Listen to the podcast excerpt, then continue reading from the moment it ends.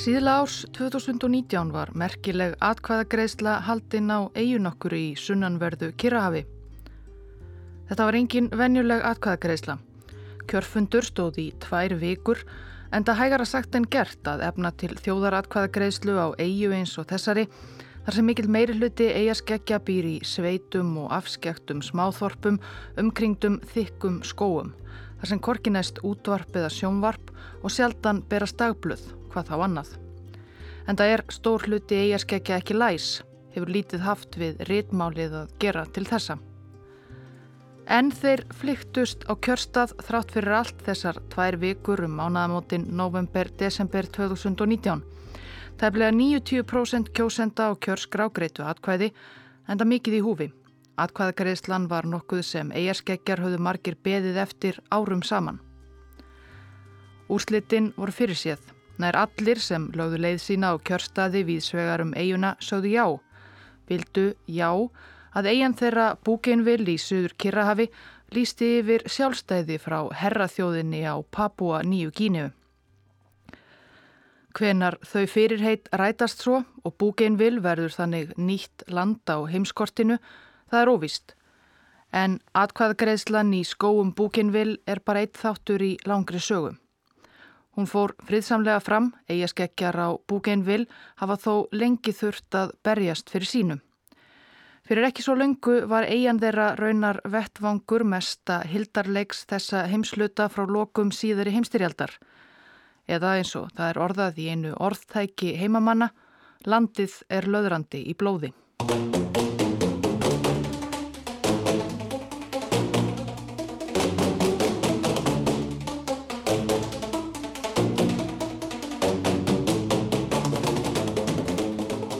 16. mars 1769 komu tvö skipað landi í Sein Malo á Bretanskaga. Eflaust komu fleiri skipað landi í þessari sögufrægu frönsku Hafnarborg þennan daginn en koma þessara tveggja þótti sæta nokkrum tíðindum. Því skipin tvö áttu að baki þryggja ára ferð í kringum nöttin frá Fraklandi til Fraklands, fyrst franskra skipa.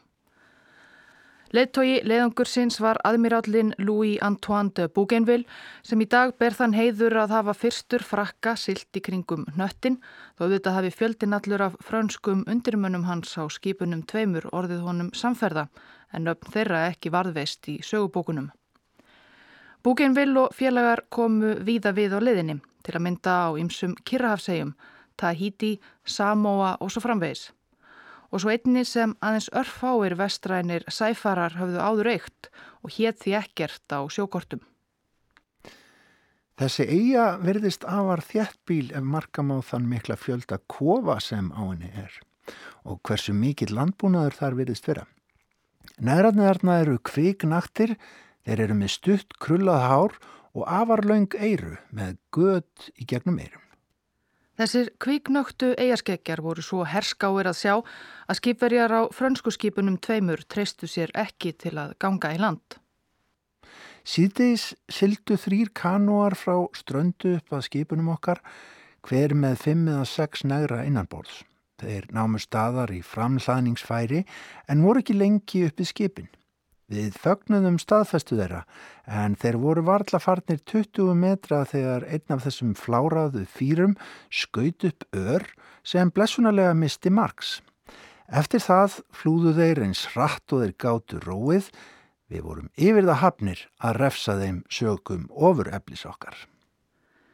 Þrátt fyrir þessa spennu leist franska aðmirálnum þó svo vel á þessa eigu sem síðar átti eftir að koma í ljós að var áþekk kýpur í miðjarðarhafi að stærð að hann ákvaða að taka af skarið og nefna hana bara eftir sjálfum sér, Búkeinvill eiga.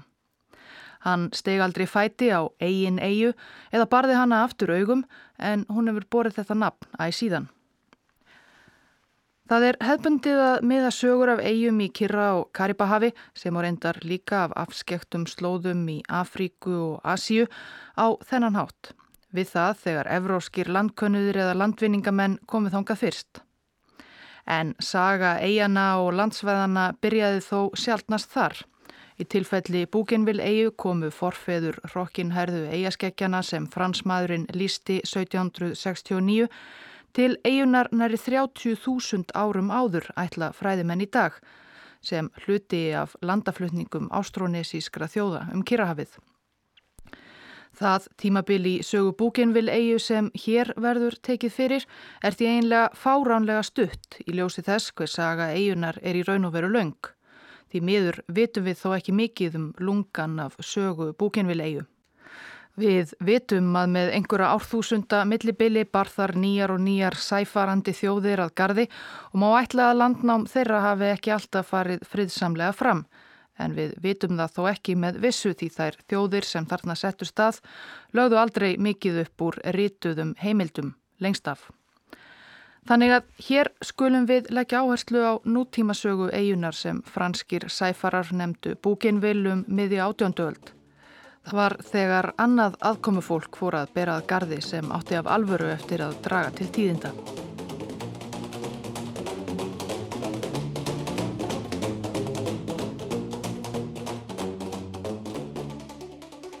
Eyjan Bougainville og nokkrar fleiri smá eyjar sem henni fylgja teljast vera norðvestasti hluti stærri eyjaklasa sem tegir sig eins og bogi suðaustur af nýju Gíniu, Salomon-eyja. Einn þekktust Salomon-eyja er eflaust Guadalcanal þar sem hart var barist millir bandaríkjamanna á Japana í setni heimstyrjöld. Hún og langflestar Salomon-eyja eru í dag hluti samnemts sjálfstæðs ríkis en þó ekki Bougainville og aðrar vestlægustu eyjarnar. Ástæðu þessa má finna í valdabaráttu vestrætna stórvelda sem fóru að skipta sér af þessum fjarlægu Kirrahafshegjum ekki svo lungu á mælikvarða sögu eigunar Bougainville allavega eftir að aðmirallin Louis Antoine de Bougainville og félagar sildu þar um á ofanverðri átjánduöld. Undir lok 19. aldar fóru þjóðverjar að koma sér fyrir á eigunni. Þískuríkin voru þá tiltölulega ný saminuð og hafðu haft um annað að hugsa mestan part aldarinnar en þegar hið sameinaða þíska keisaradæmi undir kanslaranum Otto von Bismarck leitloks dagsins ljós 1871 þótti þískum ekki setna vætna en að fara að sinna landvinningum á fjarlægum austrænum slóðum eins og hín helstu ríki Evrópu voru þá löngu farin að gera. Flest álitleg landsvæði í Afríku voru þá þegar lofuð bretum eða frökkum eða belgum svo að eitt af þeim fyrstu svæðum sem þjóðverjar einbeittu sér að var eigan Nýja Gínea í Kirrahafi, næst stærsta eiga heims á eftir Grænlandi og rétt bara stuttan spöl norður af meginlandi Ástralíu. Þjóðverjar lögðu undir sig austur hluta þessarar gríðarstóru eigu um 1884 og 15 árum síðar þá ákvaðu þeir að eigan Bougainville á sterði kýpur um 800 km austur af Nýju Gínu hún ætti að tilheyra þeim líka. Yfir áð þjóðverja þar urðu þó stutt og þeir fengu varla tíma til að láta almenlega til sín taka. Því í lok fyrir heimstyrjaldar 1918 mistu þeir allt nýlenduveldi sitt í hendur bandamanna, þar á meðal aðrar fjarlægar kirrahafsæjar. Búkinvill og það fólk sem þar hafi búið í þúsundir ára án þess að hafa mikinn áhuga á þjóðverjum eða öðrum Evrópuþjóðum Það fjall þá undir yfir áð Ástrala og voru það meir og minna næstu áratugina. The convoy, to deceive Jap reconnaissance, during the night swung hard to port and cut an arc toward the west coast of Bougainville. Pouring in their fire unopposed, Vorið 1942 lagði japanski keisaraherrin undir sig eiguna hluti af herrferð þeirra á Kirrahafsegjum. Einu og hálfu ári síðar réðust hersveitir Bandaríkjana og Ástralíu á Japana á eigunni. Hart var svo barist í skóum Búgenvil meir og minna til stríðsloka 1945. Fyrr voru japansku hermennir ekki reyðbúnir að gefa eiguna upp á bátinn. Þegar yfir laug lágu um 20.000 japanskir hermenn í valnum, aðeins nokkur hundruð bandarækjamenn og ástralar. Allt mannfallið var til einskis þar sem eigin komst svo aftur í ástrálskar hendur eftir stríðið. Memories, regrets, yet elation. It was all there, flitting through the thoughts of those witnessing the end of an era. 16. september 1975. Nýlendu tímin var á enda viðast hvar og þennan dag fekk eiríkið Papua Nýja Gínea formlega sjálfstæði eftir næri sex áratvíi af breskum yfiráðum.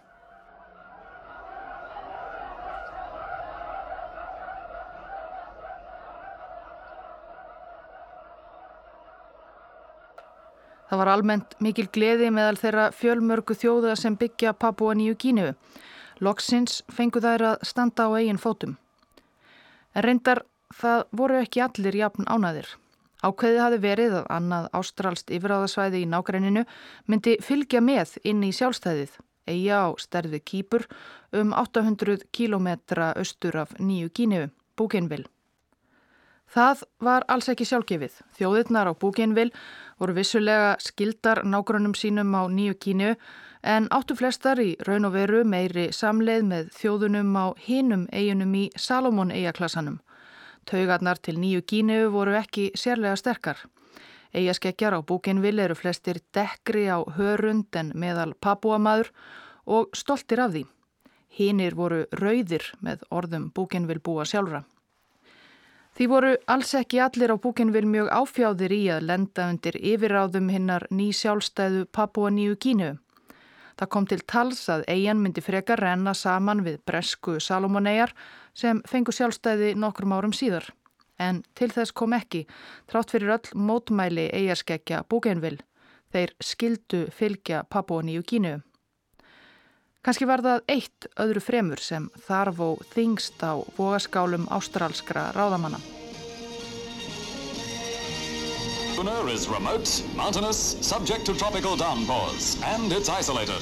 Eian Búkinvill hefur lengsta verið að mestum hluta þakin þykkum skói en undir trjáþykninu er jarðvegur sem er auðugur af ýmsum öðlindum. Sýrilagi Kopar. It was little more than jungle when Consink Rio Tinto of Australia made what seemed a daring decision in 1966-67 to push ahead to be a huge deposit of low-grade copper ore. Um miðbygg sjönda áratugurins á bresk-ástralski námarisinn Rio Tinto, umfangsmikið koparnám í fjallendi þar sem heitir Panguna, um það bila á búkin vil eigu miðri. Þar undir jörðinni reyndist ekki aðeins mesti koparforði á eigunni, heldur mögulega í heiminum öllum og náman í Panguna blést því út og varð fljótt stærsta opna koparnáma heims og arðurinn af þessu mikla koparnámi var að samaskapi ansi umtalsverður. Svo mikill raunar að án teknana frá Panguna með í reikningnum hefði varðla verið efnahagslegur grundvöllur fyrir sjálfstæðri Papua Nýju Gínu.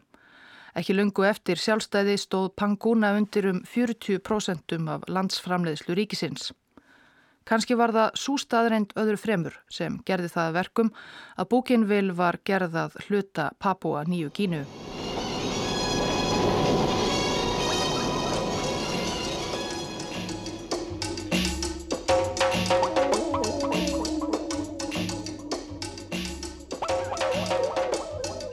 Í þúsundir ára hafa eigaskeggjar á búkinvil lifað á landsins gæðum og fáttir þeim í dag mikilvægara en landið.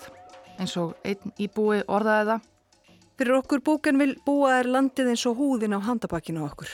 Maður er við landómanni ber skilda til að eftirláta börnum hans það í sama ástandi eða betra en maður hlauta. Þú myndir ekki ætlast til þess að við seldum af okkur húðina, er það? En það var nákvæmlega það sem námari sinn Rio Tinto ætlaðist til að eigaskeggjar gerðu. Það þurfti að rýma fyrir námunni í Panguna sem á endanum spannaði meira en 13.000 hektara svæði. Útsendarar námafélagsins voru sendir út að semja við landeigandur á svæðinu um að selja eða leia þeim jarðir sínar. En ekki alltaf á heiðarlegan hátt. Íbúar hafa síðar vitnað um að hafa fengið lítið sem ekkert fyrir sinnsnúð fyrir að láta ættjarðir sínar af hendi og jafnvel verið þvingaðir til að semja. Öldungarnir höfnuðu allir í námavinnslu en fólki frá Rio Tinto skrifaði niður falsupplýsingar og helt ótröytt áfram. Þeir lustuðu ekki á leðtóakkar því félagið hafði gert leinilega rannsóknir og séð að gullið hreinlega spratt fram úr fjöllunum. Sumir leðtóakkar, fadir minn þar á meðal, voru sendir í fangelsi fyrir að mótmæla náminni. Kvítumenninir komu í þorpin í upphafi sjöfunda áratugurins og sögðu við viljum leia jarðirnar ykkar. Svo fóru þeir að eiðilegja allt. Þeir grættu en eiðilöðu náttúrunum leið. Og þetta er það sem er málið. Þegar maður leigir hús, rústar maður það húsinu. Námunni fyldi nefnilega gríðar mikið landrask og mikil mengun. Rio Tinto hirti frá upphafi lítið um umhverfið í nákrenni námunar og eiturefnum sem fyldu starfseminni var hent beinustuleið út í náttúruna eða dælt út í fljót í nákrenninu.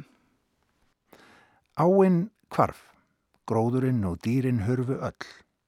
Við borðuðum fisk og krabba úr áni en efnin úr námunni lögðu allt í eyði.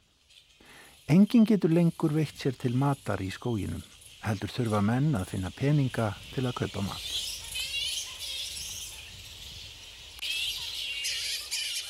Eigaskeggjar halda því fram að heilu dýrategundurnar hafi horfið skömmu eftir að náman var opnuð. Ekki síst eitt tignarlegasta dýr eigunar, flugrefurinn, stærsta leðurblökutegundin sem áður setti mikinn svip á skóana. Hérna var þykkur skóur en nú hefur náman gleftan í sig. Landinu okkar var umturnað í eitthvað sem við áttum aldrei von á.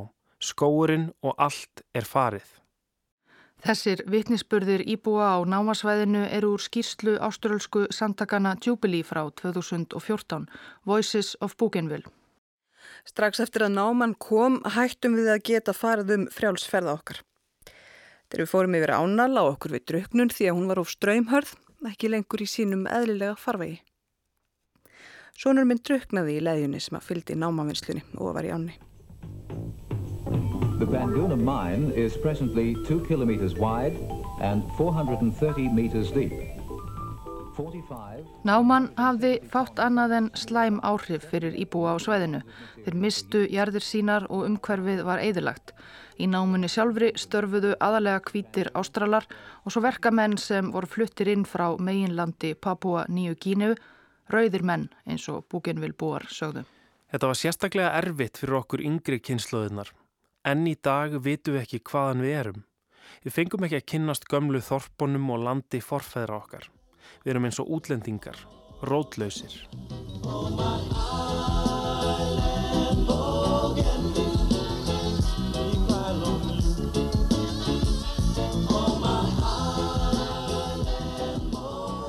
Eftir að Papua Nýja Gínea fekk sjálfstæði og búkinvill með runnu auðæfinn úr Pangúnanámunni til Ástralíu og svo í ríkiskassan í Port Moresby, höfuðborg hins nýja ríkis.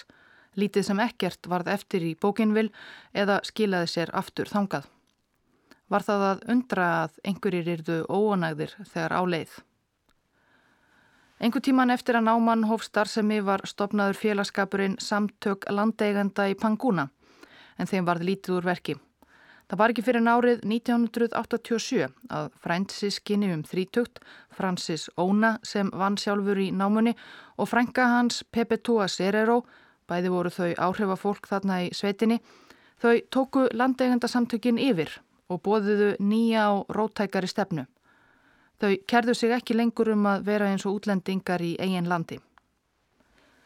Ekki leið á löngu þar til landeigandasamtökin kröfðust hárra skadabóta frá Rio Tinto fyrir umhverjuspjöll. Félagið hafnaði þessu öllu snarlega og vísaði í eigin umhverjusúttekt þar sem framkomað engra mengunar áhrifa gætti í ám á svæðinu og það yrðu engar skadabætur greittar. Þau Francis Óna og Pepe Tua Serero mistu því fljótt þólinnmaðina.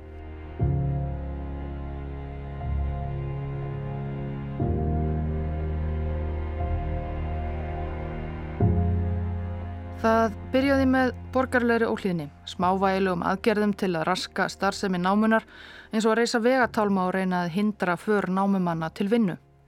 Stjórnvöld í Papua Nýju Gíniu kunnu þessum aðgerðum afar illa. Náman í Panguna var jú gullgæs papúska hagkerfisins og samkvæmt eigin úttækt stjórnvalda voru allar aðgerðir erlenda námafélagsins til fyrirmyndar eins og það var orðað. 22. november 1988 reyðust þrýr grímuklættir mennin í sprengiefna geimslu námunar og stálu þaðan sprengiefni og öðrum varningi.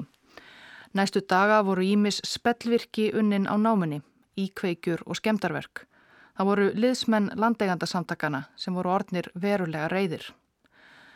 En papúsk stjórnvöldi í Port Moresby voru ekki á því að leifa þessum bondadurgum að raska starfsemi námunar frekar. Óeirðalauruglusveitir voru sendar til að handtaka leðtóa landegjöndasamtakana og gera eigur þeirra á heimili upptæk. En Francis Óna og félögum tókst að flýja. Þeir heldu inn í það sem eftir var af skójunum þeirra. We are fighting for man and his culture, land and environment, and the third one is independent.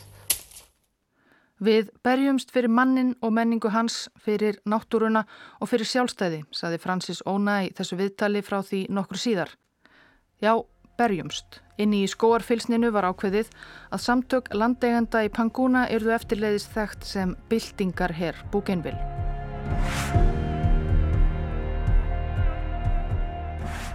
Barátta okkar verður alltaf gegn alþjóðafyrirtækinu sem hefur undanfærin 20 ár eigðilagt landið okkar, árnar okkar og náttúru og rakið fólkið okkar á heimilum sínum.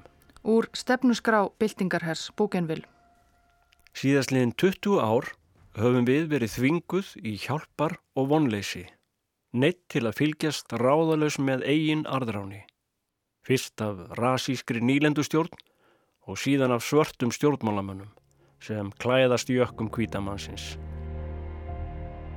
We've got a sling here, and uh, you get this uh, sling hooked on here with a harrow in there.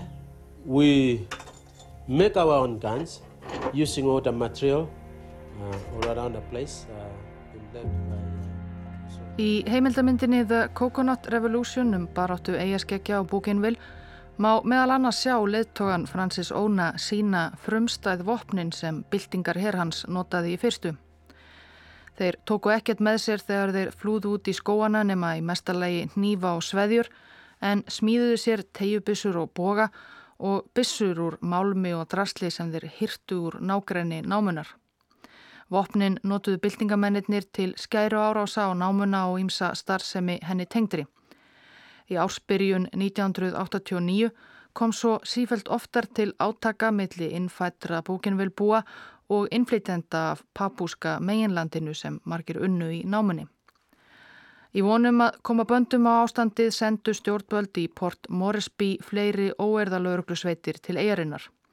Óerða lauruglumennir voru engir venjulegir lauruglumenn eða eins og papúskur ráðamaður saði síðar frá.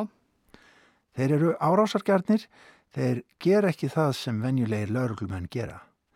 Þeir koma þarna og nú tala ég af reynskilni, lemja fólk, brenna niður hús, skjóta svínin, skjóta í bílana. Þeirra markmið er að hræða fólk. Og þeir nöguðu konum og brendu ekki bara hús heldur einnig agra og beitilönd. Þeim sem mistu heimili sín var smalað í það sem papúsk stjórnvöld kalluðu umsjónar miðstöðvar en voru í raun ekkert nema fangabúðir. Þeir lögðu þorpin í kringum námuna í rúst eins og þetta væri ættbolkastríð til að kenna fólkinu leksíu að kvarta ekki við námunni. Þeir smöluðu þorpsbúanum inn fyrir girðingar og við ógum fram hjá þeim dag eftir dag en máttum engin samskipti eiga við þau. En svo harðar aðgerðir urðu ekki til þess að draga kjarkin úr Francis Óna og fylgismönnum hans í byltingarherr Búkenvill.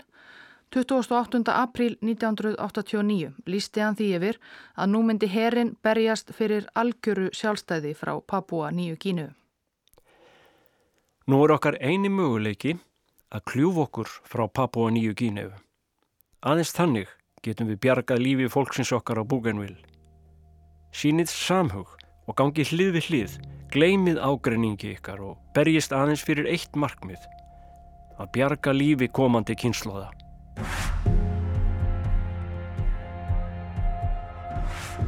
Ekki lungu eftir þetta ákvað Rio Tinto að loka námunni miklu í Panguna og senda allt erlend starfsfólk sitt burt frá Búkenvill.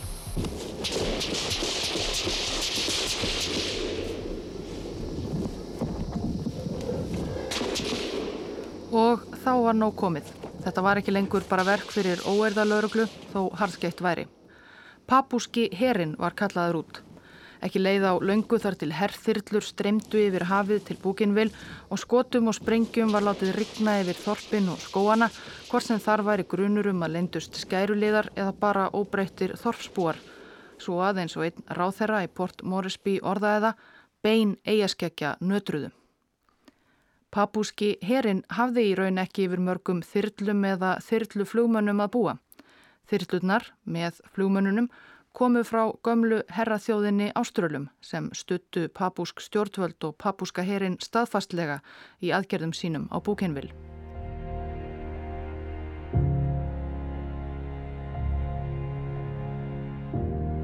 Ástralar höfðu nægar ástæður til þess að vilja kveða niður uppreysnina á Búkenvill.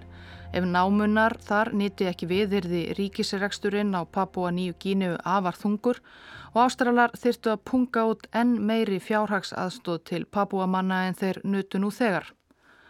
Og ef Búkenvill klifi sig frá Papua nýju gínu algjörlega og landið hreinlega liðaðist í sundur, geti það stemt þeim fjölmörgu áströlum sem byggju þar og störfuðu í hættu.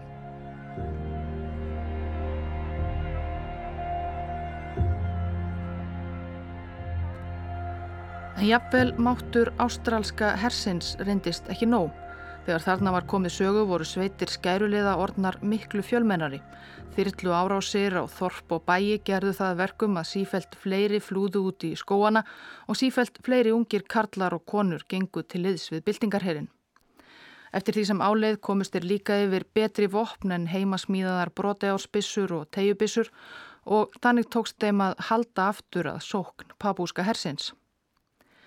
Í mæ 1990 Ári eftir að námunni var lokað var útlitið orðið svo svart að stjórnvöld í Port Moresby sáu sig knúin til að hörfa alfarið frá Búkenvill.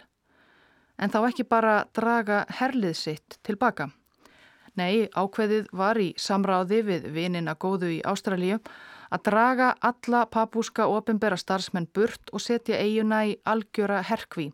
Engar vörur eða vistir máttu berastangað, ekki einu sinni lif og læknatól. Ef byltingarherr Búkenvill vildi svona endilega standa á eigin fótum, þá mátti hann bara gera það.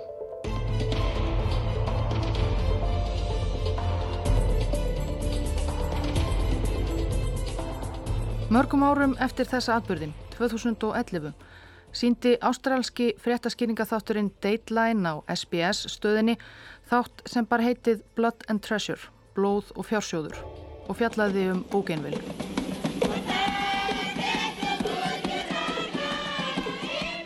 It is a land of striking beauty. A picture postcard island, abundant in natural resources. En þetta var ekki bara lýsing á náttúrufegurð eigunar. Í þættinum var vitnað í eðsvarna yfirlýsingu Michaels Somare sem var þarna 2011 nýjórðin fórsættisráð þeirra Papua Nýju Gínu en hafði á árum Búgenvill stríðsins verið einn helsti leðtogi stjórnarandstöðunar þar og lengi verið áhrifamaður í papúskri pólitík. Yfirlýsingin sneri að aðkomu ekki ástrala að átökunum á Búgenvill heldur annars afls. Sökum fjárhásleira áhrifa Rio Tinto í Papua Nýju Gíneu stjórnaði fyrirtækið ríkistjórninni. Ríkistjórnin fyldi fyrirmælum Rio Tinto og varð við óskum fyrirtækisins. Námafélagið tók einnig beinan þátt í hernar aðgerðum í Búgeinvill og leik þar stort hlutverk. Félagið sá hernum fyrir þyrlum, flugmönnum, eldsneiti og byggingum.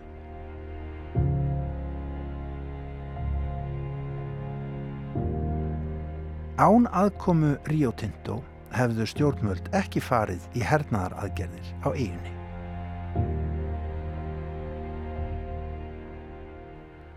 Aðrir viðmælendur Dateline í þættinum þar á meðal fyrfirandi herflóringjar í papúska hernum tóku undir þessar staðhæfingar fórsætisáþurans.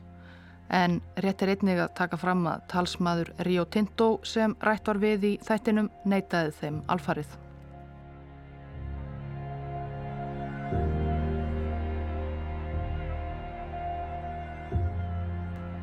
Lífið á Búgenvill í Herkví í algjöri einangrun var fljótt erfitt. Margir földu sig enn við frumstæðar og erfiðar aðstæður inni í skóunum, þorðu ekki að snúa aftur í rústir þorpasinna af óta við herþyrlutnar og eigðileggingarmátt þeirra. My daughter, her name is Melanie.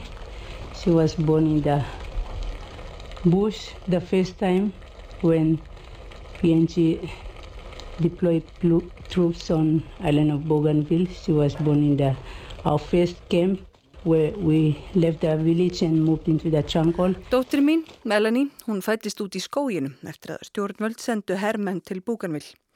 Hún fættist í fyrstu búðunum sem við reistum eftir að við flúðum í skógin. Rætt var við unga móður á Búkanvill í heimildamindinni en Evergreen Island.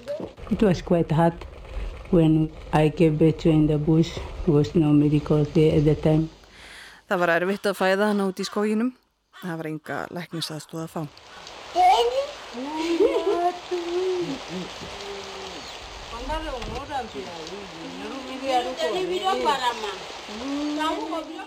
Melanie Littla livði af erfiða fæðinguna og fyrstu árin í skóginum en það voru ekki öll börn jafn heppin. Fjölmörg börn létust í fæðingu eða á fyrstu vikum æfinar og mæður dóu frá ungum börnum sínum. Það var ótrúlegt að við höfum komist af, sagði móðir Melanie ennfremur í heimildarmyndinni og brast svo í grát.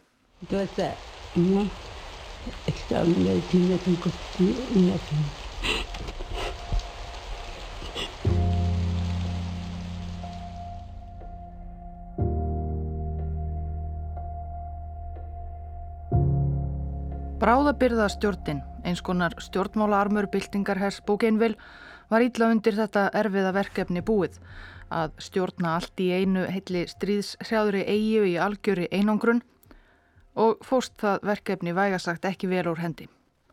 Örvendingafullir eigaskeggjar gripu til glæpa til að hafa í sig og á, bráðabyrðastjórnin gatt engu við sportnað og fyrir en varðir ítti algjör lögleisa á eigunni og viðtæk ónæja með leiðtóa byltingarhersins.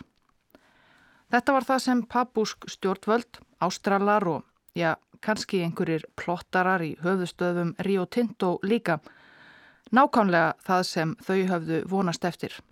Markmið þess að einangra eiguna var ekki síst til þess að grafa undan byltingarhernum, draga úr vinsældum hans og áhrifamætti meðal eigaskekja.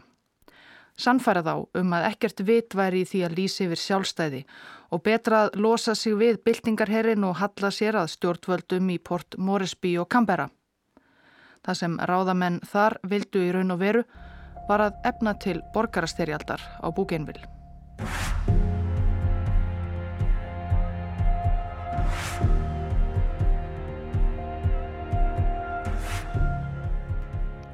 Og þeim var það ósksinni.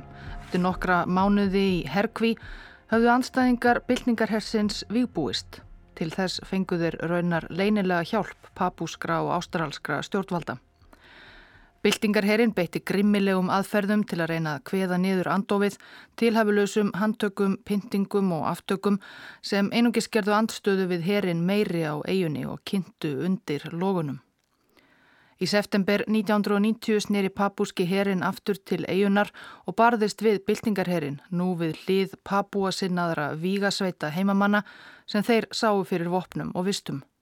Grimdarverk voru framinn á báða bóa af öllum og oftar en ekki var það óbreyttur almenningur sem fekk að þóla það versta.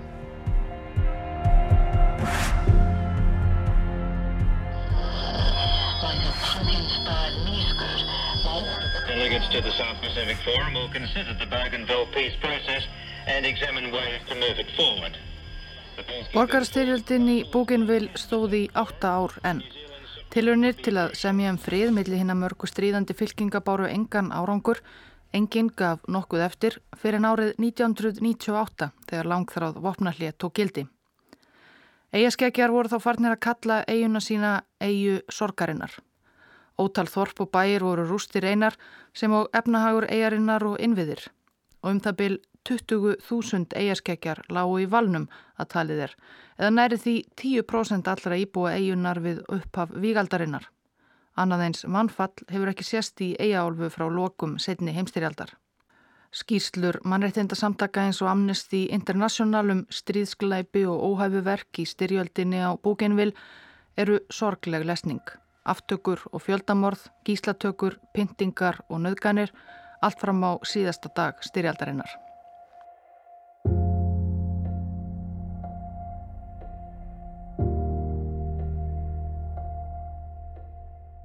Skrifað var undir formlega fríðarsamninga árið 2001. Samkvæmt þeim fekk Bougainville aukna sjálfstjórn innan Papua Nýju Gínu og hveðið var áum að atkvæðagreisla um sjálfstæði eigunar skildi haldinn innan tvekja áratuga.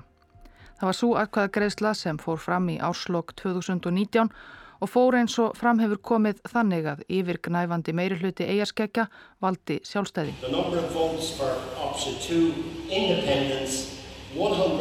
The number of votes for option 2 independence 176,928 votes